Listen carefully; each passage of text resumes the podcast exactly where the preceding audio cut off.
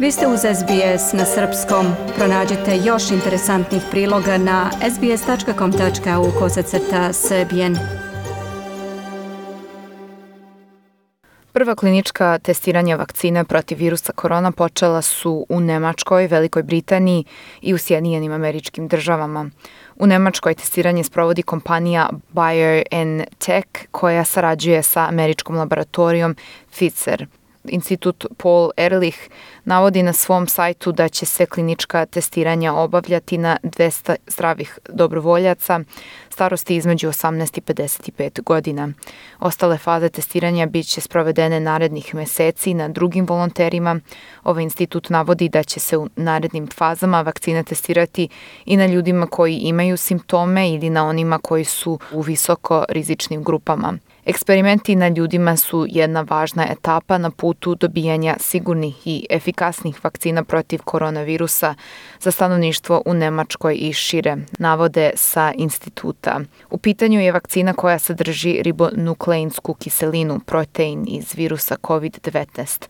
Ova prva ispitivanja treba da odrede opštu toleranciju testiranih na vakcinu i sposobnost vakcine da izazove imunološki odgovor na patogeni agens.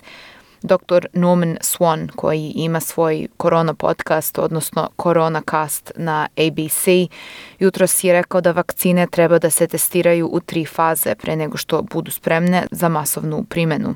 U prvoj fazi se određuje da li je vakcina bezbedna, u drugoj se određuje potrebna doza vakcine kako bi telo proizvelo dovoljno antitela, a u trećoj fazi se vakcina testira u žarištima. Ona se daje zdravim ljudima i kontroliše se stopa rasta zaraze, čime se utvrđuje da li vakcina ima željni efekat. Dr. Swan je dodao da se vakcina brzo razvija jer i dalje u svetu postoje zemlje sa velikom stopom zaraze, te da će verovatno prva faza testiranja biti ubrzana, a druga i treća faza će biti sprovedene istovremeno.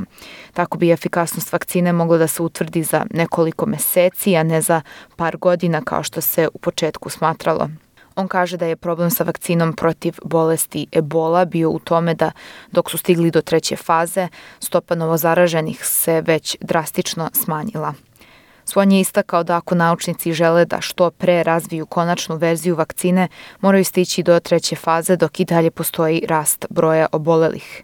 New vaccines, you go through those pretty systematically. What they will almost certainly do is compress them. So they'll do um, a quick study of is it safe in humans, first in human studies.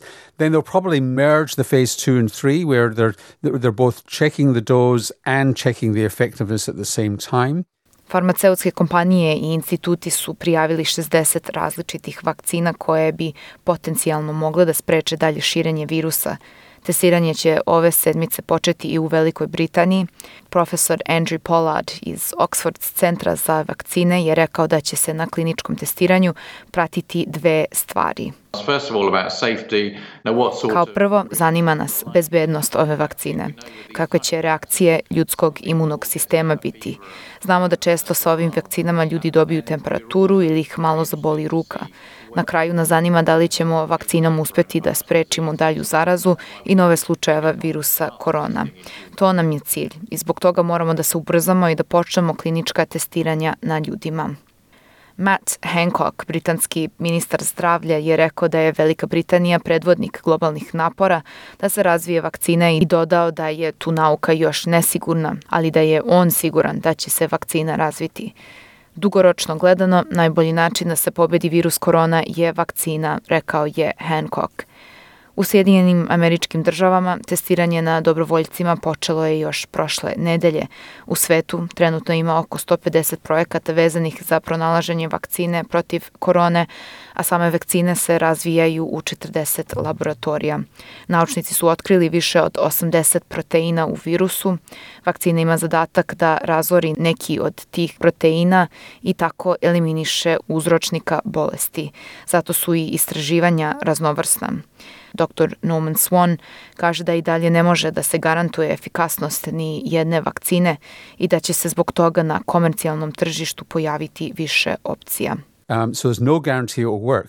But what they are doing to, so that it gets into market really quickly Nemamo garanciju da vakcine rade, ali strategija će biti sledeća. U cilju da vakcine budu što pre masovno dostupne, kompanije će proizvesti velike količine svih mogućih opcija i pre nego što se zna njihova efikasnost.